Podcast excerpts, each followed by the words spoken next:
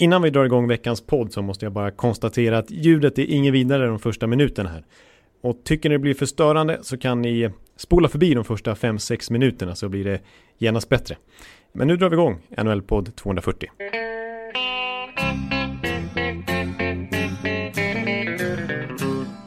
Hello out there, we're on the air. It's hockey night tonight.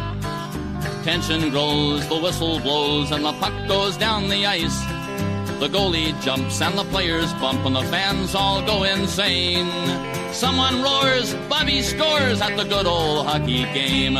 Oh, the good old hockey game is the best game you can name. And the best game you can name is the Hallå, hallå, hallå, hallå, hallå, hallå, hallå, hallå, hallå! Yes, hallå och välkomna till NHL-podcasten. Eh, avsnitt nummer 240. Vi är på väg mot en milstolpe igen. Eh, och hoppas att vi hinner den den här säsongen. Det ska vi väl göra innan vi tar sommarsemester. Ja, det hoppas jag att vi gör. Det är lite på gränsen, men förhoppningsvis kanske 250 kan det bli eh, själva avslutningsavsnittet för säsongen när vi går igenom alla lag i klassisk manér. Ja. ja, och där hörde ni eh, Jonathan Mowgli Bambi Ekeliv eh, i Stockholm. Och jag heter då Per Bjurman och befinner mig just nu i Denver, Colorado. Ja, Och är då, ja, ute på och, och slänger på slutspelsresor. ja, Och här har, såg jag igår Game 3 mellan Avalanche och Sharks som Sharks då vann med 4-2. Just det. Och nu sitter jag på ett hotellrum i Cherry Creek, trevlig del av Denver och jag ska påpeka att jag inte har mina braiga lurar med mig utan jag sitter med gamla ånglurar. Så att det, Ja, det hörs lite på ljudet, men det, vi får, vi får, vi, eh, det ska gå vi får ändå. försöka stå ut. Ja, vi, vi får hoppas det. Ja. Hur är det med dig då Ekan? Eh, En eh, intensiv vecka, du har jobbat och stått i och samtidigt uppe på nätterna och tittat på Stanley Cup. Ja, det känner att jag får slita lite jag också faktiskt. eh, Trots att jag inte är borta där du är, där jag skulle vilja vara, i Nordamerika. Men det, det är kämpigt att, jobba på på dagarna och hålla sig vaken på nätterna. Så att sömnbrist, det, är monumentale. Men det är det väl för dig också? Ja, fast det är inte lika, lika hemskt som för dig. Det, det, det är som jag sagt förut, det, det är ju mest intensivt i första rundan. Eh, nu går vi ner och det är aldrig mer än två matcher per kväll. Så det, det är egentligen ganska lugnt. Ja, okej, så pass. och ikväll, eh, jag är kvar här i Denver och eh, match imorgon igen och ikväll är jag ledig och ska ut med lite journalistkollegor på lite extra curricular activities. De hjälper alltid till att göra livet lite enklare och ibland svårare.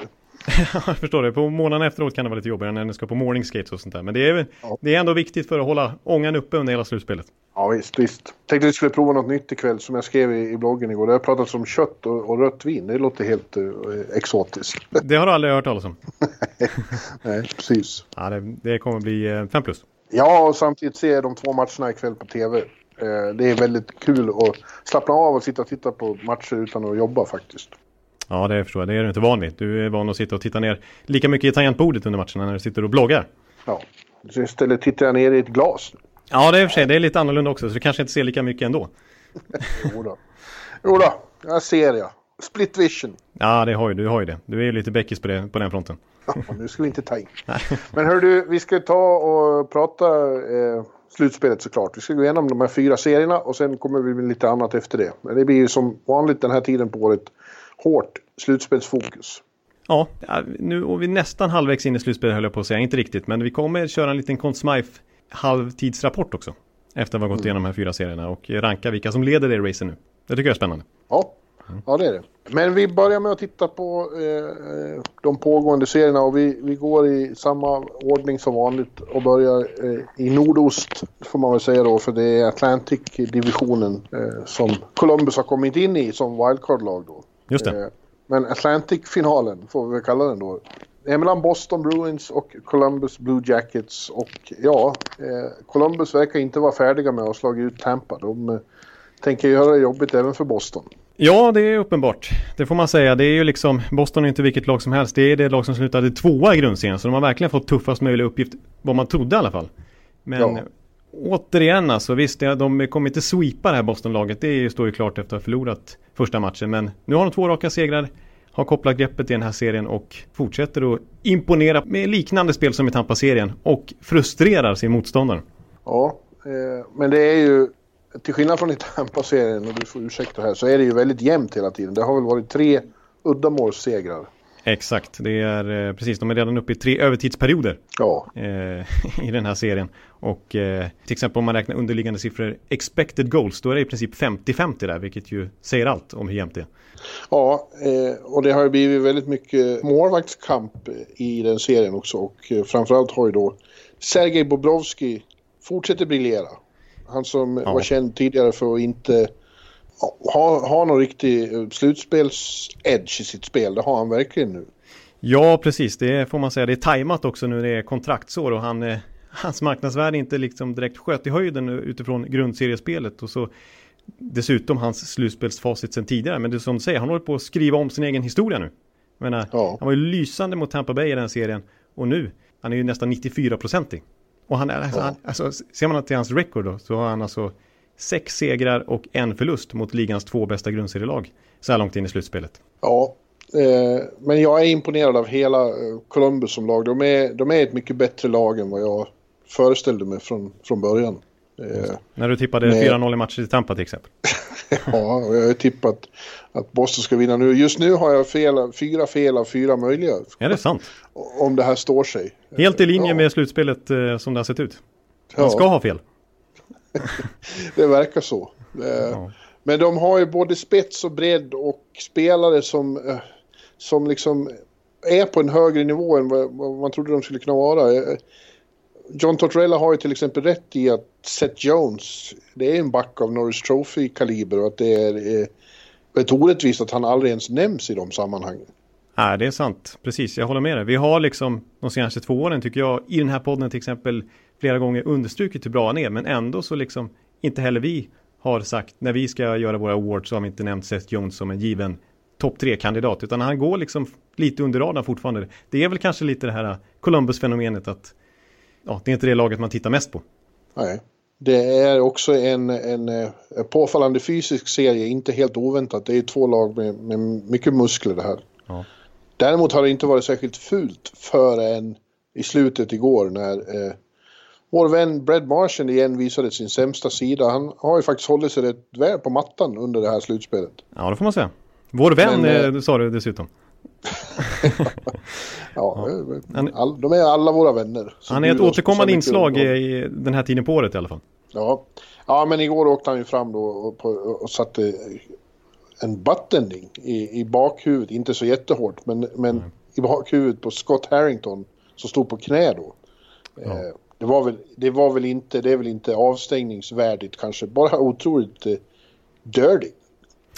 Ja, jag vet inte vad man ska säga. Alltså, jag håller med dig, det är inte det hårdaste man har sett eh, slag. Men det är, ändå, det är ändå ett slag i bakhuvudet. Totalt onödigt, fult. Och på något sätt så tycker jag ändå att det ska markeras från ligan att så där kan man inte göra ostraffat.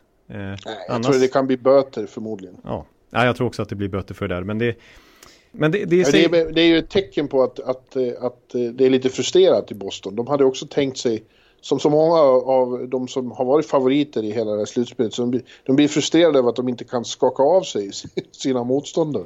Precis, för du, vi såg ju vad liksom spelare i Tampa gjorde när de började bli frustrerade. Vi såg ju Kutjov få fullständigt hjärnsläpp. Eh, Ja, Det var ju betydligt fulare, det, det var ju riktigt fult. Det, jag tycker han kom undan väldigt billigt med bara en match avstängning då när han Ja, han tryckte in eh, Marcus Nuttivaras huvud rakt in i sargen som var helt försvarslös. Eh, vi såg ju Steven Stamkos skicka en sucker punch på Nick Foligno också. ja. Eh, ren frustrationsgrejer på grund av att det är jobbigt att möta det här hårt jobbande Columbus-laget som har sån struktur och sån intensitet i sitt spel. Och sen just det här, det är jättesvårt att komma in i slottet och skapa chanser. Det är jättejobbigt i mittzon att ta sig igenom kontrollerat och inte behöva dumpa och sådär. Eh, liksom styra spelet som de här topplagen är vana att göra. Nej, Ta mycket bättre precis. kontroll. För nu, nu är det man ser de här kommentarerna från Rask efter senaste matchen från eh, eh, McEvoy, Carlo, när, när man läser vad ska ni göra nu för att vända på det här? Uh, traffic in front of the net och more pucks to the net och more simple hockey liksom. Det, Ja. det blir så, det går inte riktigt att spela den här offensiva grundseriehockeyn, det här eh, possession-ägande spelet, utan det är, det blir ju att man, man tvingas in i Columbus vagga lite grann, det här som de vill. De vill neutralisera sina motståndare. ja, och så gör det till en dragkamp. Liksom. Ja, och nu är det ju en dragkamp liksom. Ja. Så Men det har ju också, eh, eh, nu, nu, i och med att det är uddamålssegrar och, och, extremt jämnt så går det inte riktigt, det går inte att säga att eh, Boston precis är chanslösa. De kan ju mycket väl kvittera det här på, på Absolut, det är jättejämnt. Det hade kunnat stå 2-1 i matcher till Boston också. Ja, precis. Eh, det är väl bara det att de är i Nationwide Arena också som, som också har tagit sig fram här som det är enorm stämning där. Ja. Eh, det är som att hela stan har, har smittats av, av det här som Tortorella planterade i laget någon gång under första matchen mot Tampa när de plötsligt eh, hamnade on a mission from God. Ja, ja. Och blev ostoppbara. Mm. Ja, men problemet, ett, ett, problem för Boston är ju faktiskt att väldigt ledande karaktärer i laget är lite off just nu och det gäller ju framförallt Pasternak. Det är något fel på honom, han är fortfarande skadad.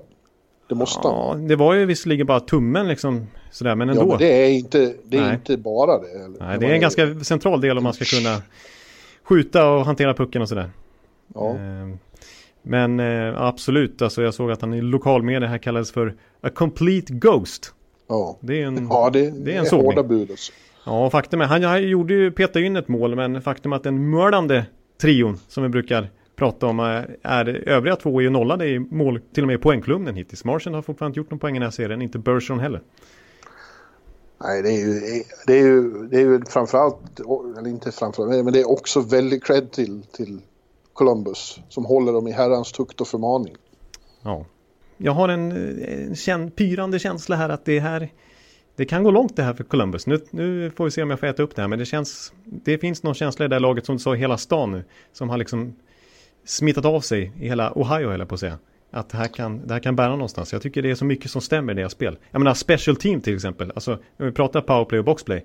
Eh, I Tampa-serien, visst, visst de mötte seriens bästa lag. De mötte även seriens bästa, grundseriens bästa powerplay. Men vilka var det som gjorde alla mål i powerplay i princip? Ja, det var Columbus. Nu i den här serien mot Boston som hade det tredje bästa powerplayet i grundserien. Vilka är det som har gjort mest mål i powerplay? Ja, det står 3-1 i special teams till Columbus här långt.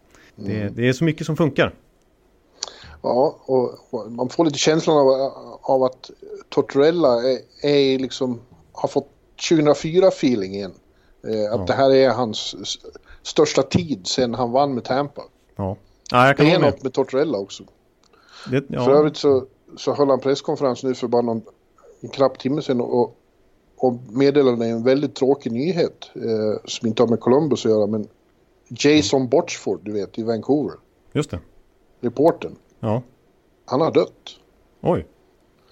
47 år gammal och han har fått in något hjärttrassel hemma och, och bara föll ihop och, och gick bort. Och eh, Tort, Torts, eh, ja han uttryckte sina kondolenser till familjen så det var lite chock. Honom har jag haft, eh, hållit på och gnabba med på, på Twitter om om vad Elias Pettersson ska Just det, heta. Precis, det var han som, det var ni två som gick i, i bräschen där för varsin sida. Ja, ganska chockerande. Vad fan, han är otroligt ung och, och, och så levande. Liksom. Väldigt tråkigt. Ja, det var inga roliga nyheter. Nej, det var det verkligen det var inte. inte. Men du, eh, vidare med det, det, Man får väl också känslan att Boston igen, precis som i fjol, kanske är lite slitna efter sju matcher mot Toronto. Det var sju matcher i fjol och mot Tampa hade de inte mycket kvar i fjol. Eh. Och det tar, det tar lite mod för dem nu igen.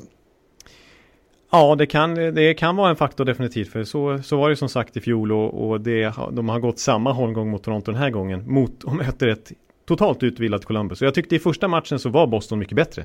Eh, Columbus höll ju på faktiskt att vinna den. Boston kvitterade sent och vann sen på övertid efter att Marcus Johansson hade stått vid två jättefina assist.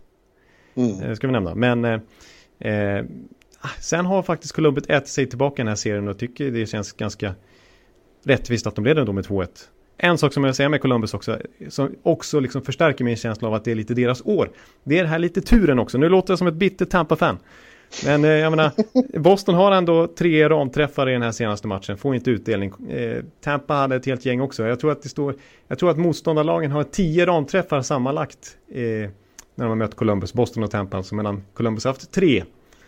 Så det är, ja, nu låter jag riktigt bitter men det, Nej, det studsar lite i deras väg, förstår du? Ja. ja, det ingår ju i, i, i det här egendomliga begreppet det. Ja. De har det. De har det just nu. Ja. Och då har man ju exakt studsarna med sig också. Det är helt, eh, det är ingen snack om det. Nej, nej. Det är, Nej, man får mer positiva vibbar av Columbus än av Boston just nu, men det, det betyder inte att, att det fortsätter. Så vi kvitterar Boston och gör en riktigt bra match på, på torsdag igen. Då, då kommer man känna att men det kanske är Boston, Boston i år igen. Precis, och vi ska komma ihåg... Vi... Kanske Bostons år i år. Ja, och vi ska komma ihåg att det eh, såg, eh, var ju faktiskt 2-1 i matcher till Toronto i den serien bara för några, ett par veckor sedan också. Eh, ja. Där det splittades eh, matcherna i, i, i, Boston och sen vann Toronto första på hemmaplan. Precis som Columbus nu. Så att eh, Boston ska man absolut inte räkna ut. Och så dåliga har de sagt inte varit. Verkligen inte. Det var som jag sa, expected goals 50-50. Det, det, hade, det, kan, det kan eh, börja studsa deras väg helt plötsligt. Ja. Ja, sen har vi då målfesten mellan eh, New York Islanders och eh, Carolina Hurricanes. Ja, verkligen. där är det inte så mycket... Eh, nej, jag var alltså ironisk där. Det blir sannerligen inte mycket mål i den serien. Eh, du, du var ju där i första matchen och, och eh, du fick vänta 64 minuter. Jag var där i båda matcherna. Ja, det var det ju faktiskt. Ja, ja. Jag väntade mycket överhuvudtaget känns det som.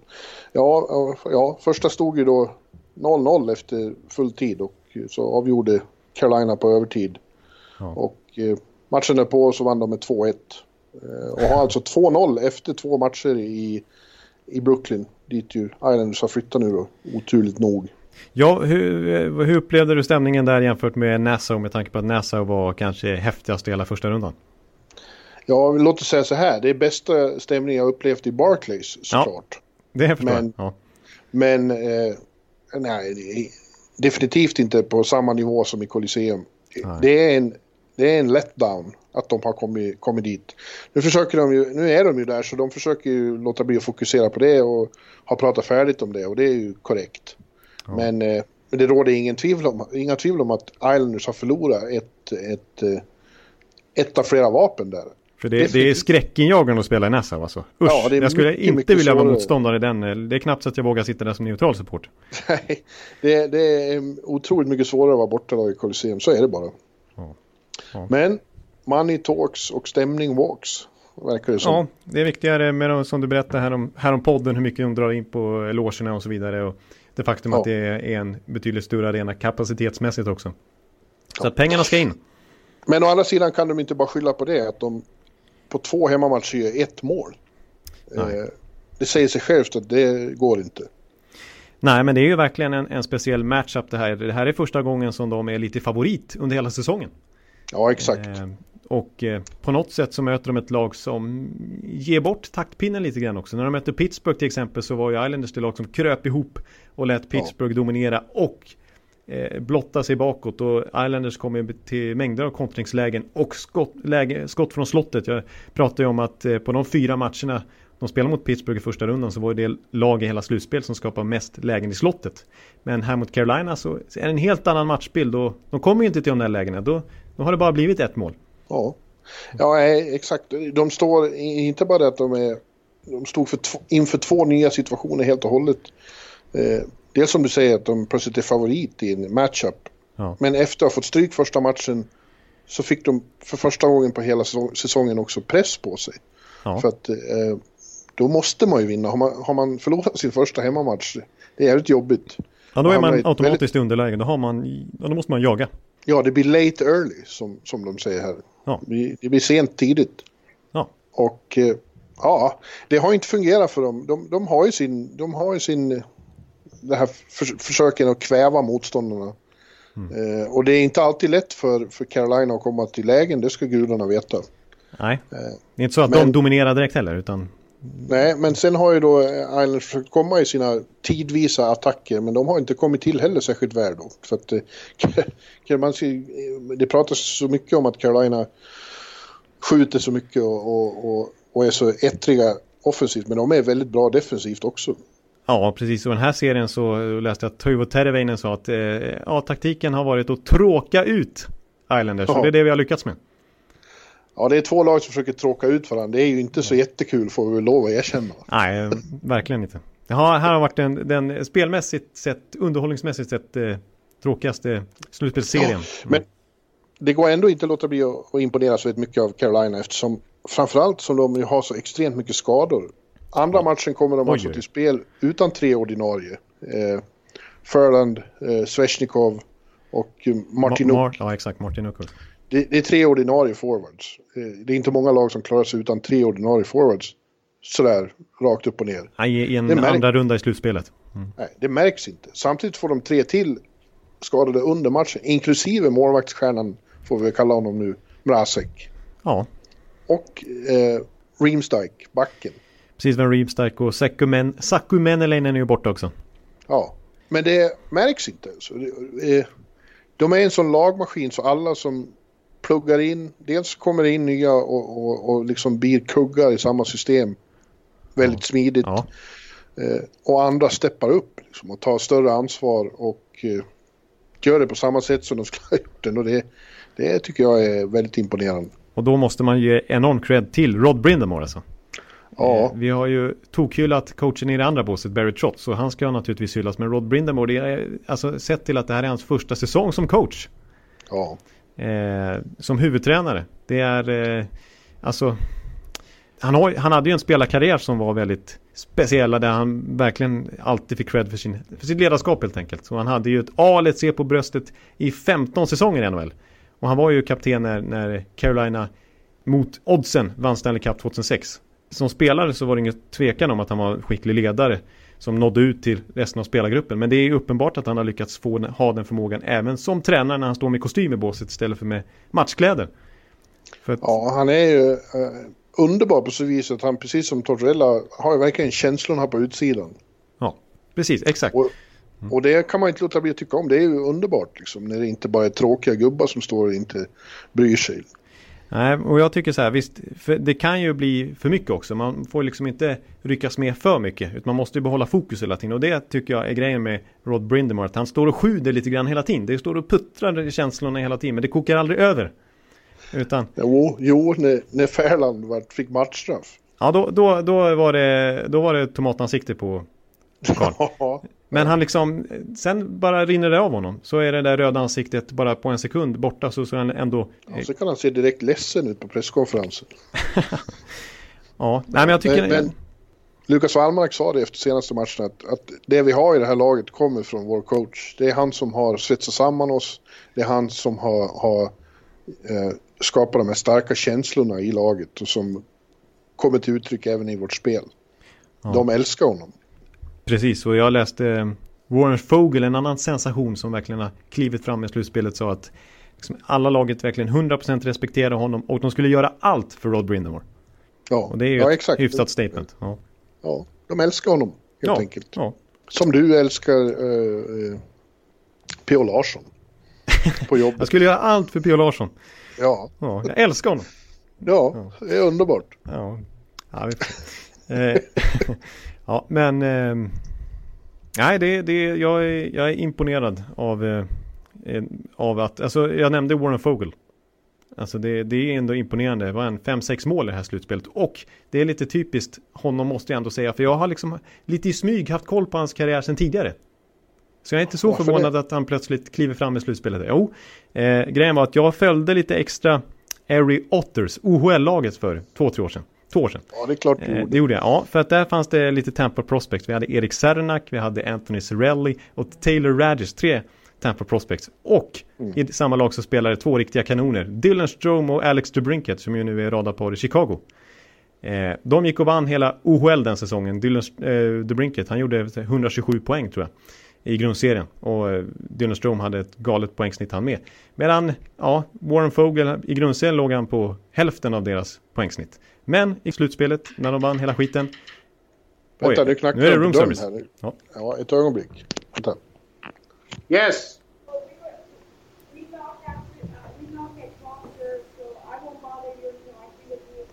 Thank you. Ja, Ja, bra. Mm. Vill de eh, bädda sängen? ja, ja, fast, ja, precis. Fast jag har sagt en no disturb, do not disturb-skylt där. Aj, aj, aj. Ja, ja. Ja, ja, vi fortsätter. jag skulle bara säga att Fogel i alla fall i slutspelet var den som blev MVP. Trots eh, kanonen han hade i sitt lag så var det han som klev fram allra mest och eh, ansågs mest värdefull. Fågeln. Fågeln ja. Ja, och nu är det alltså två matcher i PNC Arena och eh, det har ju visat sig vara en av de svåraste hallarna i hela ligan. Eller hela slutspelet att- dyka upp i. Det är ju rasande eh, playoff-feber där. Och, och Hamilton, grisen, verkar put a spell on varje motståndare där. Ja, det får man säga. Det är ju så. Alltså, jag menar, de körde ju faktiskt över Washington i flera matcher. Och sa jag att Nassau var galet så var ju PNC Arena bara ytterst, ja. ytterst eh, lätt bakom där. Det var jättetryck där. Och du var ju där en match också. Exakt, och det var en omtumlande upplevelse. I synnerhet i, i skenet av hur det brukar hur det har varit där ja. till vardags. Som när du och jag var där och såg just Islanders för några Ja, det är just den matchupen vi såg. Mm. Ja, och det var ju otroligt segt och dött. Ja, det var så rött i den där hallen så att man har ju aldrig varit så oförtjust i rött höll jag på att säga. Det var liksom bara en massa tomma stolar överallt. Ja. Det var, det var bistert. Nej. Och nu, nu detta alltså. Och det kommer att bli tufft för, för Islanders, tror jag. Eh, ja. Det finns ju faktiskt en möjlighet att de efter att ha svept Pittsburgh blir svepta själva. Ja, ja, ja, det vore ju sensationellt. Men jag... Ja. ja, vi får se hur Islanders reagerar här. Alltså, på ett sätt så kanske det är bra för dem att lämna över taktpinnen lite grann. Alltså, för på något sätt känns det som att Carolina kommer ryckas med i den här galna stämningen och sätta på precis som de gjort de tidigare matcherna. Och vi får se om det även kan få Islanders försvar att rämna. Eller om det innebär att det kan öppna upp läget åt andra hållet istället så att det kan, Islanders kan få spela sitt spel som de vill. Mm. Ja, jag, är inte, jag är inte helt säker på att det blir att det jag, det vet, jag vet inte vad det är sagt nu om Rasek, men han kan väl förmodligen inte spela då. Och, och det låter ja. ju som ett hårt slag, men faktum är ju att, eh, vad heter han nu, McKinney? McElhenney. McElhenney. Han var ju lysande när han kom in senast, men han har ju varit bra även under säsongen sedan han kom till Carolina. Ja, precis. Så sent som för eh, någon månad innan slutspelet så var det ju McElhenney som var lite, lite grann första valet ändå. I de liksom ja. viktigaste matcherna kändes det som att McElhenney fick förtroendet. Men Mrazek, sista månad, hans galna facit där när Carolina verkligen klättrade upp på en slutspelsplats och höll greppet om den. Så var det Mrazek som, som var bäst. Ja, man var väl bara orolig att de skulle behöva plocka upp Scott Darling som backup. Men det gjorde de inte utan de har tagit in annan, en finländare. Ja, okej, okay, jag tror de skulle ta, jag har inte kollat men jag antar att det är Nedeljkovic de har tagit, eller?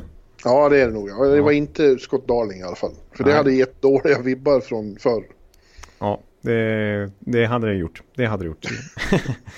Nej, men ja. de, de, har ju tur att de har ett så pass bra AHL-lag i alla fall. Charlotte var ju det eh, laget som vann hela AHLs grundserie och är kvar i slutspelet de också.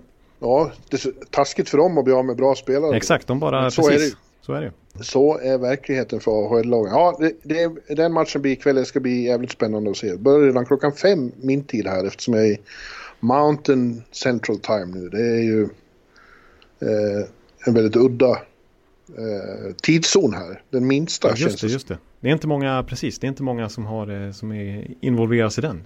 Jag, jag, har bara varit inne i den en gång i mitt liv. Mountain Standard Time ska jag säga, inte Central. Det är en egen stor tidszon. Ja. ja, och här ute i väst då. Om vi är klara med Islanders Hurricanes. Ja, det kan vi vara. Jag tror, jag som sagt, jag, jag har absolut inte räknat ut Islanders igen. Jag har en känsla att det kommer bli en eh, lång serie där ändå. Ja, ja det kan det mycket väl bli. Vi har eh, Robin Lehner som var irriterad efter senaste matchen och eh, kommer att bli ännu bättre nu. Precis, han har, han har bara släppt in tre mål på drygt två matcher kan man säga med tanke på att det blev förlängning i första. Så att han har inte varit ja, dålig heller direkt. Bittert att släppa in bara tre mål på två matcher och ändå ligga under med 2-0. Ja, usch. Getting engaged is a moment worth cherishing. A one-of-a-kind ring that you design at Blue Nile can help your love sparkle. Just choose your diamond and setting. When you found the one, you'll get it delivered right to your door. Finding the right engagement ring can be nerve-wracking. At Blue Nile, you'll have the expert guidance needed and a diamond guarantee that ensures you're getting the highest quality at the best price. Cherish all of life's moments and save up to 30% at BlueNile.com. That's BlueNile.com. Ja. ja, vi har en till eh, sån här extrem dragkamp i Central Division. Eh, eh, Wanchet. Ja. mellan St. Louis Blues och eh, Dallas Stars. Och, och vi kan ju, eh, en parentes här är ju att det är lite obehagligt det här med att det är sån defensiv hockey och att possessionlagen har så svårt Eftersom det här är en copycat-liga så finns ju stor risk för att det här sätter tonen inför kommande säsongen. Ja, exakt. Det är ändå lite oroande. Jag håller med dig där att, att eh, nu har det ju visat sig att liksom, struktur är det viktigaste. Det går nästan före skill. Ja. Eh, och speed framförallt. Farten har ju minimerats i det här slutspelet. Det har ju verkligen varit många low scoring affairs liksom. Ja, man känner det Colliton sitter intill och man, man, tänds ett ljus. och, Aha, det är så här vi ska göra. Ja, eh, precis. Då kommer han kanske... Ja, för det måste du ändå nämna i podden också. Att du alltså hade Jeremy Colleton vid din sida. Eh, härom, härom. Ja, han satt två platser bort i, i, i, på första matchen här i Denver igår. eh, Chicagos coach. Och det visade sig då att det är Stan Bowman, uh, general manager, som vill att Colliton ska åka, åka runt och se några serier så han får en bättre bild av stämningen kring slutspelsmatcher och hur hockey spelas i slutspelet. Så att han åker runt på lite studiebesök och satt där med en kollega och, och, och väldigt nyfiket studerande allt som hände.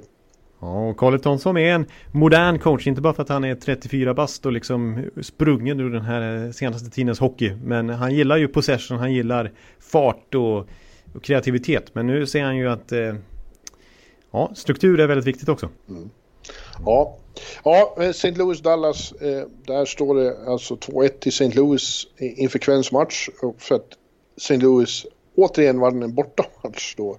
De splittade i St. Louis och så kommer de till Dallas och eh, Blues verkar ju oslagbara på bortaplan. De vann alla bortamatcher mot Winnipeg och nu har de vunnit den hittills enda mot Dallas. Det är väldigt egendomligt. Ja, det är konstigt. Man brukar ändå kämpa ändå 82 matcher för att få hemmaplansfördel i slutspelet och så visar sig att eh, St. Louis, de vill gärna ha bortaplansfördel. Så att de, Ja. för det, de är oslagbara där. Ja, Men det här är också en, en här snackar om jämn serie alltså. Eh, ja extremt. Det om man kollar till de underliggande siffrorna och skottförsök, alltså ren corsi bara, så står det 138, 138. Exakt lika många skottförsök har de här lagen haft på tre matcher. Och det är ju nästan, Ja. det är ju extremt. Ja, de är ju så jämna så att eh, de, de är... Eh, någon, någon sa eh, efter någon av matcherna att det är som ett... Eh, det är som en trafikstockning ute där. Vi står bara still. Ja. Ja, och det har inte varit jättemycket mål heller. Det var lite grann i sista matchen här när det rasslade in en hel del i tredje perioden. Mm. Eh, Men, men annars har det varit ganska... Ja, Men det är ju som, du, som ordet du använde där nyss, struktur. Det är två lag med extremt eh, organiserad struktur. Eh, som går i clinch här. Precis, och som framförallt har premierats den här säsongen av sin defensiv. Och, Ja. mål, och sitt målvaktsspel. För återigen, alltså både Bishop och kanske framförallt Jordan Binnington hittills med tanke på att de leder med 2-1 i matcher har ju varit fantastiska de också. Och hållit nere siffrorna. Men samtidigt så, så, så finns det ju då, i båda lagen finns det ju kreatörer och, och eh, stars med enastående skills. Så ibland så får de minsta utrymmet så blixtrar det ju till hos en Tarasenko och eh, Dallas mäktiga första kedja och inte minst eh, Miro Heiskanen. Ja, precis. Miro Heiskanen. Som man är värd att stanna upp vid lite grann. Eh, Kanske alla min, inte minst den här veckan då när, när han inte blev nominerad till Calder Trophy. Vilket ju det blev, gjorde att det blev ramaskri i Finland och i Texas. Ja, och i, podd, i, i min blogg. Ja, i kommentarsfältet där också. Mm. Det var ju Elias Pettersson, Rasmus Dahlin och, och Jordan Binnington då, som var nominerade. Och, eh, ja, jag var tvungen att kolla själv hur jag hade röstat och det visade sig att eh, jag hade också Heiskanen på fjärde plats. Det hade jag glömt. Och jag fick ju eh, Jarko, Jarkos vrede hällde över mig.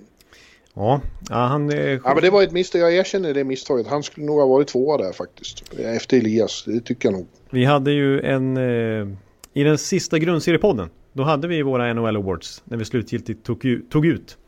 Och eh, då kommer jag ihåg att jag hade ju Elias etta och Miro tvåa och Rasmus trea och petade Binnington faktiskt. Ja, Eh, och argumenterade, argumenterade för, för eh, varför Miro Heiskanen skulle vara tvåa. Eh, det är alltså han, med tanke på det ansvaret han tar, alltså för det går ju verkligen att, att prata om hans offensiva instinkter och kul han är att titta på vilka plays han gör. Även nu i slutspelet i trånga lägen.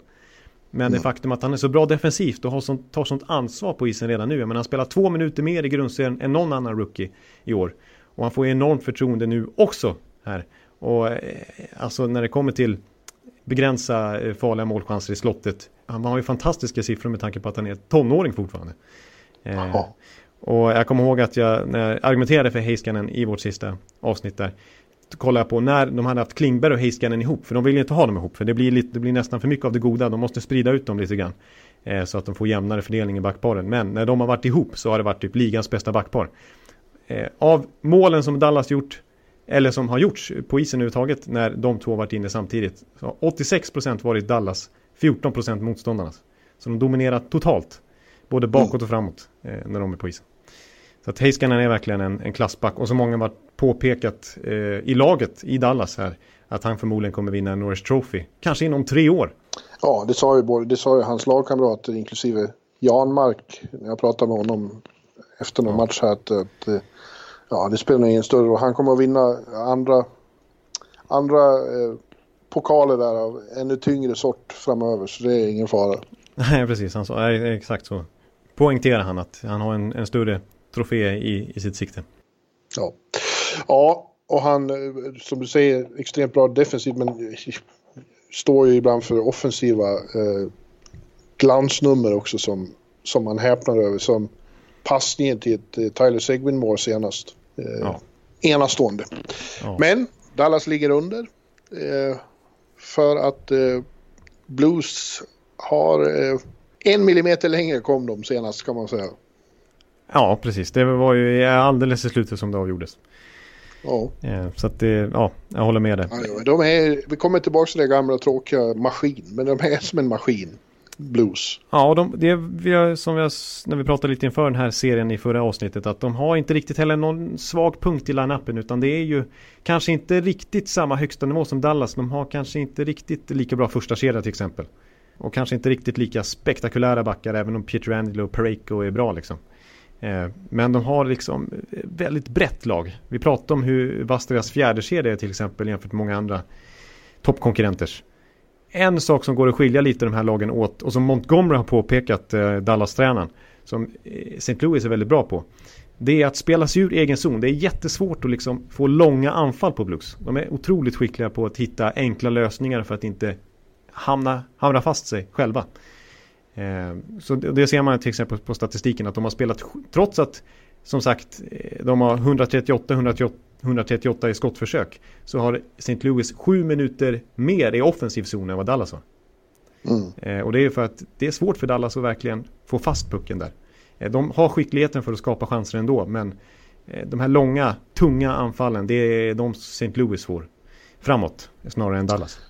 Och jag tycker ju längre slutspel har pågått tycker jag att Tarasenko har blivit bättre och bättre. Eh, ja. Han har blixtrande byten ibland och, och, när han är på det humöret så är han inte lätt att tas med. Ja, det är inga dåliga nyheter direkt för St. Louis. För kommer han igång på riktigt och börjar göra mål på kontinuerlig basis då har de ju riktigt sparkapital Ja. Och Binnington fortsätter göra skälen för sin Calder-nominering genom att vara lysande. Ja det får man säga. Trots att jag petade han. Jag hade en motivering om ålder där som var lite tveksam kanske. Men det var därför jag petade honom. Eh, ja man får lyssna på den om man tycker den lät relevant eller inte. du såg den kommer jag ihåg men i alla fall. Eh, och det kan jag förstå. Men eh, han eh, precis som Bobrovski. Jag menar snacka om att han har en. Eh, han kan tjäna pengar i sommar. Han sitter på minimumlön just nu eftersom att han var fjärde målvakt inför säsongen. Men eh, ja. snacka om att han kommer mångdubbla sin lön. Ja, hörru du. Vi har en, eh, de, de möts ju i, ikväll igen, eller i natt igen när vi spelar in det här. Och eh, då är det ändå press på Dallas. Så hamnar de i 3-1 underläge då är det, blir det besvärligt. Ja, det tror jag faktiskt inte. Nej, blir det 3-1 och säger att St. Louis tar det här. Men som sagt, det är så jämnt så att det kan ja. absolut lika gärna bli 2-2 Ja, då har vi eh, serien som jag nu då eh, är mitt inne i kvar. Ja. Eh, och det är Colorado San Jose Sharks. Där Sharks igår tog eh, ledningen med 2-1 i serien efter en lite imponerande insats eh, här i, i Pepsi Center. Som är en jävligt mäktig arena också. Den är, den är häftig att vara i. Den är så stor. Ja. Den har så mäktigt intryck. Liksom. Jag tror att det, det är längre från isen. Det är så stora läktarvalv så man blir, man blir lite tagen av Pepsi Center. Ja, Okej, okay. för annars, jag, jag, är ju, jag har ju varit i Pepsi Center också. Jag håller ju faktiskt med dig när du säger det. Att det är, det är en mäktig känsla där inne. Och, ja. sådär. och samtidigt så är det lite paradoxalt med tanke på att man gillar ju Nassau för att den är så tight. För att det känns ja. som att publiken sitter nästan över spelarna. Eh, I det här Man fallet kan, så är gilla, man kan gilla saker av olika skäl, Ja, Jonathan. ja. Det ena utesluter inte det andra. Nej, det måste inte vara svartvitt hela tiden.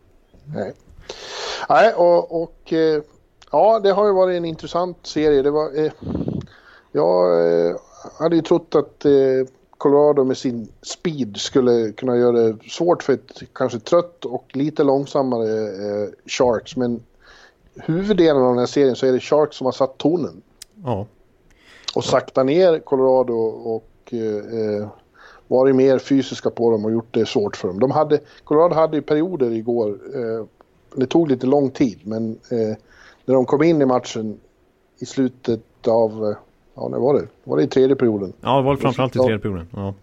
Ja, när de, eh, det var så här ursinniga attacker. Ja. De verkligen bet sig fast som man liksom lyfter från sätet fast man inte tänker på det. Nej.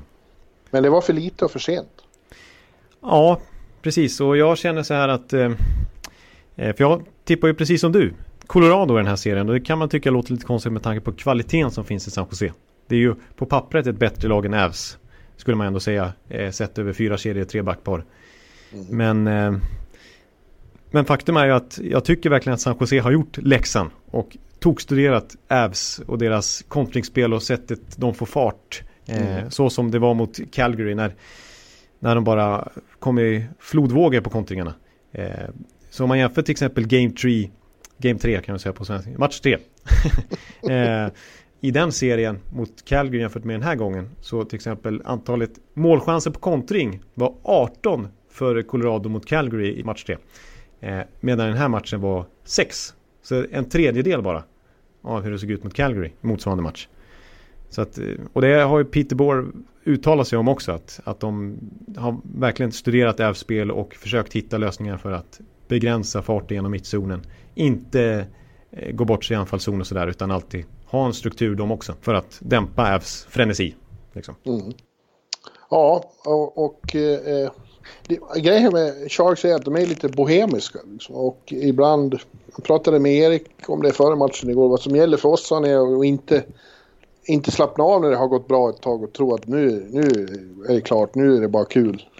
Vilket ju hände i match nummer två. Ja, ja, Då var de jättebra i början, sen bara släppte de det.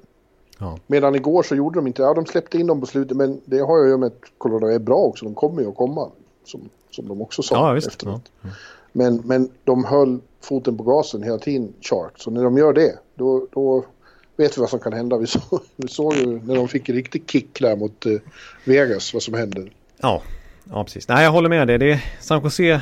Nej, när, när San Jose är verkligen påkopplade då är de kanske det bästa laget som är kvar i slutspelet. Ja. Det skulle Men samtidigt så är det... eh, Jag tycker Colorado faller lite lätt i, i fällan emellanåt också. Börjar spela fysiskt snarare än att försöka trumma på och skjuta. Fan, de hade 11 skott efter halva matchen igår. Nej, det går inte. Nej, eh, och eh, eh, tog ju en massa dumma utvisningar också. Det måste de ju sluta med. Ja, de som, lag som tar dumma utvisningar de har straffat stenhårt i det här slutspelet. Ja. Det finns det massor med exempel på. Sitt, om, de, om de bara kan eh, fokusera ännu mer på att spela sitt eget spel och försöka, försöka få sin vilja igenom lite mer så tror jag att de ska kunna kvittera det här på, på torsdag. När dessutom Sharks har varit här några dagar och fått sämre syresatt blod. Som Just det, får. den faktor, gamla faktorn. ja. Ja. Ja, att, att eh, vi är på hög höjd, en mil över havet och eh, det, börjar, eh, det tar något dygn. Sen har syresättningen i blodet bytts ut. Och man blir, ja nu flåsar jag även i vanliga fall så det blir en större skillnad för mig. Jag är jämt, jämt i dåligt skick. men men eh, några spelare pratade om det igår, att det, det, det märks absolut. Sa till exempel Melker Karlsson, han var det här förr och känt av att det är tunnare luft. Och då sa jag, du, du får ta kortare byten då. Jag tar redan så korta byten så det är skillnad. Han har koll på sin roll i laget. Ja, men eh, egendomligt nog har ju Martin Jones blivit bra också, spelat upp sig. Han var riktigt bra några matcher här.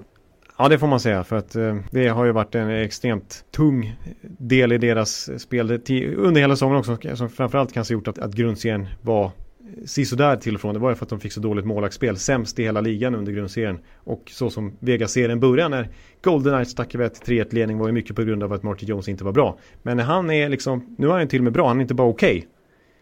då ökar ju San, ett par riktigt svettiga tackling, eller räddningar igår. då är ju San Jose genast ett mycket bättre lag. Alltså, ja, får de ihop det potentialen i det här laget när jag höll mitt, jag återkommer till mitt brandtal i preview-podden inför slutspelet. Då har de en ruggig potential liksom. Ja. Och det gör ju de ingenting att Erik verkar vara på väg att varva upp mot... eh, Han är inte framme i 2017 form än, men han är på väg ditåt. Ja, Bekymrande. Man såg det på... Jag frågade Gabriel igår också om, om Erik eh, tjattrar mycket på isen som han brukar. Nej, han är fokuserad nu Erik. Han, åker, han säger inte så mycket längre. Han behöver vara till vardags så är det ett jävla gafflande hela tiden. Men nej, nu fokuserar han på hockey. ja. ja Det han- säger en hel del. det säger en hel del att Erik lyckas, eh, att han är så pass fokuserad så att inte ens munlädret är igång. Men Ja. vi måste ju nämna pappa Skutt också. Lille Skutt blev pappa mellan, game, mellan match 2 och 3. Eh, flög i söndags natt till Detroit. Eh, Där han ju har sitt hem fortfarande och hans fru bor kvar där. Danielle. Just Så han kom hem på eh, måndag morgon vid sex och var med sen på förlossningen. Där första barnet, dottern Charlotte, kom till världen. Ja. Eh, och sen flög han till Denver och var med och spelade. Landade klockan tre igår och var med och spelade. Och gjorde två assist. Ja, Dessutom. han gjorde en utmärkt match. Ja, Ja, ja vi det gratulerar ju. Vart ju dotter då. Vi, jag hade ju på, tyckte ju här att eh, om det blev en pojk skulle den heta Henrik. Eh, Just det, men det var tydligen inte aktuellt. ah, Okej, de hade inte funderat på det namnet om det skulle bli en eh, pojke. Nej. Nej. Vi gratulerar Gratulerar eh, Gustav Nyqvist i allra högsta grad. Mm. Skutt. Det gör vi. Ja, det blir väldigt spännande att se för att jag tror att eh, vad den här serien tar vägen avgörs ju på torsdag. Om, om Sharks tar ledningen med 3-1 då tror jag det är över. Det tror jag också. Vi såg ju visserligen hur de kunde komma tillbaka från Vegas-serien i efterunderläge. Men generellt sett så minskar ju oddsen enormt mycket. Och Mm. eh, då, jag håller med dig. Det, det avgör den här serien lite grann. Eh, I alla fall om, om Colorado ska ha fortsatt chans. Det hänger lite på ett namn som jag tror att vi kommer till nu när vi ska gå in i vår i, i lilla Conn Smythe eh, session här. Ja, vi tar väl den då. Det tycker jag vi ska göra. Eh, ja, eh, det är ju det är väldigt svårt att, att spekulera i för in the end så kommer Conn Smythe-vinnaren att finnas i laget som vinner Stanley Cup. Så är det. Men eh, jag tycker ändå man så här, så här dags i slutspelet kan börja spekulera lite grann vilka som ligger bäst till så här långt. Ja, precis. Och eh, jag vet att du har gjort en lista med, jag vill bara nämna honom då som jag tänkte på nu. Eh, Colorados överlägset bästa spelare och tycker jag har varit en av de mest tongivande i hela playoff. Det är Nathan McKinnon. Då. Och det var ju också han som tog tag i det här igår. Eh, när, när de kom tillbaka i matchen så tog, röck han tag i det själv med sin, sin satans explosiv snabbhet. Genombrottsförmåga. Ja, den är helt otrolig. Ja. Då hörde jag till och med Colliton vid något läge på slutet när han kom igenom. Då var det inte mål, men då hörde jag Colliton. Wow, wow, that guy. Ja, han är så sjuk vilken explo- explosivitet han har alltså. Han, Ja. Det är minst eh, McDavid-klass tycker jag nästan. När, när, alltså förmågan att gå från 0 till 100 från ingenstans. Ja, så det törs jag i alla fall säga. Om Colorado vänder det här och går vidare och vinner Stanley Cup, då vinner Nathan McKinnon Conn Smythe. Så är det. Så är det. Och det, det tycker jag, jag kan ju säga så här att han är med på min lista. Vi får se vilken position han har. Men de blev ju nollade i första matchen, Colorado mot Calgary. Men sen dess har han gjort poäng, minst en poäng i samtliga matcher. Ja, den första i Colorado som har gjort det sju matcher i rad. Sen Peter Forsberg, 2004 tror jag det var. Ja, det är inte dåligt. Säger Nej. en del. Ja, Ja, ja. Nej, jag tycker det är lite coolt också. Alltså, han har säkert influerats en del av, jag menar han kommer ju från Halifax-området, precis som Sidney Crosby. De är träningspolare på, på somrarna och eh, Ja. SMS-polare under säsongen. Och under slutspelet nu också verkar det som. Ja han får tydligen mycket stöd av Sidney Kid. Han säger till och med att eh, his biggest supporter is Sidney Crosby. Ja, ja det är stort. att, eh, och influeras av eh, hans hockeykarriär och hans egenskaper är väl säkert inte så dåligt för Nathan McKinnon. Han vill ha hem bucklan till Cole Harbour igen. Just det. Fast det är inte han som ska vara. Nej, nej. och sen, eh, sen, eh, sen måste jag också säga apropå McKinnon att eh, jag, jag kanske sa det i förra avsnittet men en sån som Mark Giordano som ändå är en toppback i ligan sa ju faktiskt efter den serien att kolla på de här eh, fem matcherna om ni inte redan visste att Nathan McKinnon är en av ligans bästa spelare om inte den bästa spelaren så vet ni det nu och då, jag vet det nu. Så bra tyckte Giordano att McKinnon var. Ja, men förhör din lista nu då Jonte. Ja, Eh, och eh, ja, vi får se. Det är, ja, det, det, är svårt så att jag kan absolut förstå om man har andra namn som man vill ha upp på den här listan. Nu. Jag har, ja, jag, jag har tyckte, tog lite personliga favoriter också. Vi får se vad ni tycker om den här listan. Men jag börjar på femte plats. Har jag satt eh, Jaden Schwartz i St. Louis. Ja. Ja, eh, St. Louis är ju som vi just har pratat om en lagmaskin, men de har ju haft några som har eh, stuckit ut individuellt också. Han har definitivt gjort det. Han har gjort väldigt många viktiga mål. Ja. Eh, hat, inte bara hattrick utan avgjort uppe i Winnipeg där i en viktig match till exempel. Eh, ja. Och sett bra tycker jag även i den här Dallas-serien. Eh, men eh, ja, man skulle kunna hävda att Binnington har varit MVP så här långt i St. Louis också. Men jag tycker det är lite tråkigt att gå på målakter. Så jag ville verkligen premiera Janus Schwartz som jag tycker har verkligen klivit fram. Mm. Uh, ja. på, på, fjärde plats så kände jag att jag måste, jag vill ta någon i San Jose. Men grejen är ju där också att de har så många stjärnor. Så många som är i bra form också. Uh, ja. alltså, man skulle kunna argumentera för Brent Burns, alltså Erik Karlsson till viss del också, även om han har varit inne på väldigt många baklängesmål så har han varit inne på nästan lika många fram, framåt och har ju faktiskt snittat över en poäng per match hittills. Så Efter det... gårdagen skulle du kunna argumentera för Logan Couture också som gjorde hattrick i denna viktiga match. Ja. Väldigt clutch. Precis, och, och Thomas Hertel som var lite Mark Messier-vibbar där. Och Timo Meyer som jag tycker har varit lysande. Precis, Timo Meyer är jag också väldigt förtjust i. Men eh, den jag har tagit på fjärde plats det är som du sa, Logan Couture. Ja. Eh, som eh, alltid, alltid hamnat lite i skymundan av San Joses andra stjärnor. De har ju alltid haft ett stjärnspäckat lag. Har det inte varit Joe Thornton och sådär så nu börjar det komma upp lite Timo Meyer, Hertel som man pratar om också. Backsidan inte minst. Eh, men eh, Couture, jag menar senast de, de gick långt San Jose de gick till final 2016 mot Pittsburgh där. Vem vann hela slutspelspoängliga då? Jo, det var Logan Couture. Vem leder slutspelspoängliga så här långt? Vem leder slutspelets skytteliga så här långt? Ja, det är Logan Couture. Ja. 12 poäng, ja, är, 9 mål. Ja, det är mycket, mycket, mycket bra argument. Så att uh, han, och jag menar han gjorde ju gjorde väl två av målen i upphämtningen mot Vegas där till exempel. Ja. Uh, och ett hattrick igår så att uh, han har varit bra får man säga. Fina mål var det också.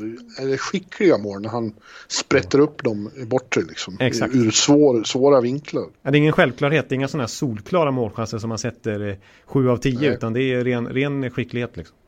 Ja. Eh, på tredje plats så tar jag en baneman för min personliga del.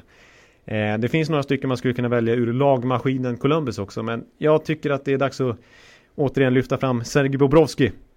Eh, ja. Det faktum att han bara torskat en match mot de här superlagen, vad man trodde i alla fall, hittills i slutspelet och har den näst bästa procenten efter Robin Lehner, om man bara ser till räddningsprocent. Mm. Så att, ja, Får se om han kanske kan få till och med sitt eh, Carey Price-kontrakt i sommar. Han vill ju ha alltså över 10 miljoner dollar per säsong i åtta år. Han fyller 31 i september. Så jag är tveksam till om, om, om jag skulle vara en general manager och skriva det kontraktet med honom. Men han har ju verkligen bevisat vad han kan nu i alla fall. Sannerligen. Men det har vi redan varit inne på här. Att han, ja. han har blivit slutspelsartist också. Ja. ja. Eh, på andra plats, nu kanske, nu kommer den lilla skrällen här. Det här tror jag inte är ett namn som du förväntar dig. Eh, och då kan jag avslöja redan nu att på första plats har jag Nathan McKinnon. Ja. Eh, men på andra plats, väldigt högt upp på den här listan. Då sätter jag en gammal personlig Ekeliv-favorit. Eh, Boone Jenner? Nej, nej, nej. Nej, nej vänta, vänta, vänta. Ska jag säga laget? Jag Ja. Carolina. Uh, nej. nej. Ja, nu kommer ett typiskt eh, ondskan här. Jacob Slavin. Ah. Tvåa i hela Conn Smythe. Och nu ska jag föra argumenten för jag hörde din reaktion. Nu krävs ja. det att jag får jobba lite grann för att eh, övertyga dig. Eh, men jag är ju imp väldigt imponerad över Carolina eh, så här långt hur de har spelat och orkat trots alla dessa skadebekymmer. Eh, Jacob Slavin, han är den som har spelat överlägset mest laget en halvtimme mer än någon annan i laget så här långt i slutspelet. Brindamore är väldigt noga med att poängtera gång efter gång hur extremt viktig Slaven är för deras spel och eh, karaktären i laget liksom. Mm. Eh, och i första rundan så var det han som ställdes mot Ovechkins kedja. I den här rundan så är det han som ställs mot Barsals kedja. Eh, trots det så är han plus 5. Eh, shot share om man pratar course är 55% trots att han har ett väldigt defensivt tungt ansvar och som sagt möta motståndarens bästa spelare. Eh, och han är ju då med Erik Karlsson delad detta i assistligan så här långt i slutspelet med 10 assist. Vilket, ja det är ju, jag menar han är intern poängligakung i Carolina här också. Så att eh, Jacob Slavin, hade de inte haft honom, då hade de inte eh, haft en sån här bra sits i slutspelet vid det här laget. Mycket bra argument. Ja. Herr Ekeliv. Ja. Men jag tror ju, och känner, känner de som röstar Conn Smythe att uh, går Carolina långt så ligger uh, Fagen ännu bättre till. Ja, och skulle Mirasi komma tillbaka så har ju han lyfts fram väldigt mycket också. Eh, Ja, så McKinnon etta då, honom har vi just pratat om. Exakt varför vi tror på honom. Ja, precis. Ja, jag, han är, jag tycker faktiskt att han har jobbat sig upp eh, där bland eh, att man kan prata om ja, Crosby, McDavid och kanske McKinnon. Liksom, vem, att det är lite hugget och stucken. Alltså jag tycker nästan är på den nivån så att man kan argumentera för att han... Jag skulle inte bli sur om någon sa att han är bäst i världen. Faktiskt. Så Nej. bra tycker jag, han, eh, tycker jag att han är faktiskt. Det är ett bra statement. Ja, mm. Kvällstidning. ja, ja lite, lite kvällstidning måste vi vara också. Ja, jag, jag har inga stora invändningar men det finns några namn som jag tycker eh, man kan nämna samtidigt i diskussionen. Jamie Benn är en om, om Dallas går bra. Eh, Ja, ja. Mm. han, han får symbolisera hela den där första kedjan där. Ja, eh, han är ju också... Han har en pondus tycker jag också. Ja, och. Lene kommer tillbaka till om, om, om, om Islanders vänder det här och han fortsätter hålla lika tätt är Robin också en målvakt eh, som är aktuell. Ja, och suverän i de här två förlustmatcherna egentligen. Det är bara att Ja, eh, det har inte gjort några mål framåt. med sitt otroliga lugn och så. Ja, Ja, du Jonathan, jag börjar få lite stressigt här. Ja. Eh, ja jag förstår. Jag måste göra lite saker under dagen. Ja, Skriva. ja då kan, då, Eh, men vi tänkte vi, vi skulle bara nämna något om VM. Du var ju på Tre Kronors träning häromdagen.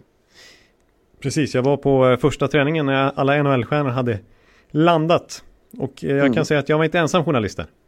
Nej. Så att jag hade lite planer på att eh, snacka lite med Elias Pettersson och Henke Lundqvist och, och så vidare. Vem, vem, alla möjliga där faktiskt. Men nej, det var, det var svårt. Man fick, jag är inte van att stå i sådana media scrums för att normalt sett sitter jag på redaktionen. Men där fick jag, fick jag brottas lite grann för att få komma fram. I, Ja. Eh, där. Så att, eh, nej, det blev inte så mycket. Jag fick snacka lite med Erik Gustafsson i alla fall. Eh, poängligavinnare bland alla backar. Så jag skrev en liten grej om, om honom. Eh, och hans relation med Jeremy Colleton och, och anledningarna bakom hans plötsliga lyft alltså den här säsongen som är sensationellt. Så det ska bli spännande att se Ja. honom i, Ja, i hockey, hockey-VM. Mm. Tre Kronor har väl ett eh, helt okej lag. Det har kommit hem gott om spelare. Eh, men inte riktigt lika många som de två senaste åren. Och, och det var väl ett litet bakslag här att Beckis eh, tvingades tacka nej. Han har en höft tydligen som krånglar. Eh, han tränade inte sista veckorna eh, under slutspelet. Nej. Eh, och, Så mycket matcher som de har spelat också. Alltså Ja. mm, i fjol och nu. ja. och sen var det ju de många som har tackat nej för de sitter på utgående kontrakt och så. Inte vet jag vilka, om det är så många, jättemånga som är aktuella av de som spelar kvar i, i andra rundan här. Landeskog kanske skulle kunna tacka ja. Han, Landeskog, Klingberg. Klingberg ja, förstås. Mm. Eh, Vi har ingen San Jose-kill, eh, ja kanske, ja då räknar jag mest Erik Karlsson men han kommer naturligtvis inte tacka ja med, med hans kontraktssituation. nej, samma med Gustav. Han har också kontrakt. Eh, Ja. Kom in. Eh, Robin också. Robin Lehner Det skulle vara naturligtvis. konstigt att ta in Robin nu när både har Markan och Lundqvist där så tror jag inte de räknar med det. Nej, nej precis. Eh, Wallmark. Wallmark ja. Ja. ja, faktiskt alltså. Han eh, har kanske inte alla liksom, eh, svenska folket i stort om jag pratar så koll på att eh, vilken säsong Lukas Wallmark ha, gör och vilken betydelse han har. Hur mycket speltid han får i detta Carolina-lag. Så att, Och sen är Marcus och och Jocke Nordström i Boston då. Eller Wennberg som ju faktiskt har fått börja spela igen. Precis, nu har det blivit lite, nu börjar han peta Hometown-sonen eh, Ryan Single faktiskt. Ja. Tortorella och Lotte Wennberg spela. Ja, så länge de vinner så ändrar han ju ingenting. Nej, Då då, var då, de är det samma förlorade sak. första matchen mot Boston. Han ändrar sig lite. Ja. Mm. Ja, ja men du. Uh, Ekeliv boy. Eh, Ekeliv Boy. Mm. ja.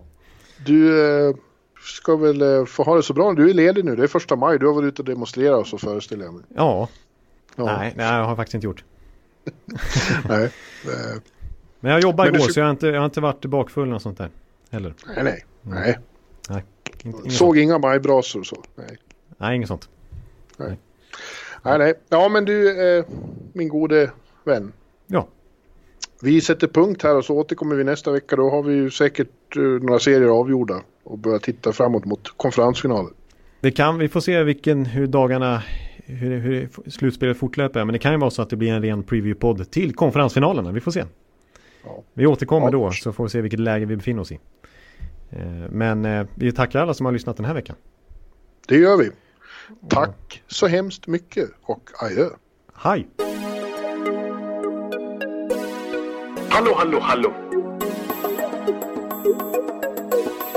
Hallå, hallå, hallå. Alex Chiazot, Joe Luis Arena och Esposito. Esposito. Uttalsproblem, men vi tjötar ändå. Och alla kan vara lugna, inspelningsknappen är på. Bjuder Hanna Kohl, han är grym i sin roll. Från Kållesoffan har han fullständig kontroll på det som händer och sker. Det blir ju allt fler som rattar in hans blogg. Och lyssna på hans podd. One, two, time, speed, so Hallå, hallå, hallå. One, two, time, speed, so Hallå, hallå, hallå. Ekeliv, som är ung och har driv. Verkar stor och stark och känns allmänt massiv. Han hejar på Tampa och älskar Hedman. Sjunger som Sinatra. Ja, och där ser man. Nu är det dags för refräng. Dags för magi, Victor Norén. Du är ett geni. Så stand up at home and remove your hats. Höj volymen, för nu är det plats. One, two, time, speed, so Hallå, hallå, hallå. One, two, time, speed, so Hallå, hallå, hallå. One, two, time, speed, so Hallå, hallå, hallå. One, two, time, speed, so Hallå, hallå, hallå. Det er utroligt længe siden mor, der samtidig trods har råd. Hallå, hallå, hallå. Det er utroligt længe siden mor, der samtidig trods har råd.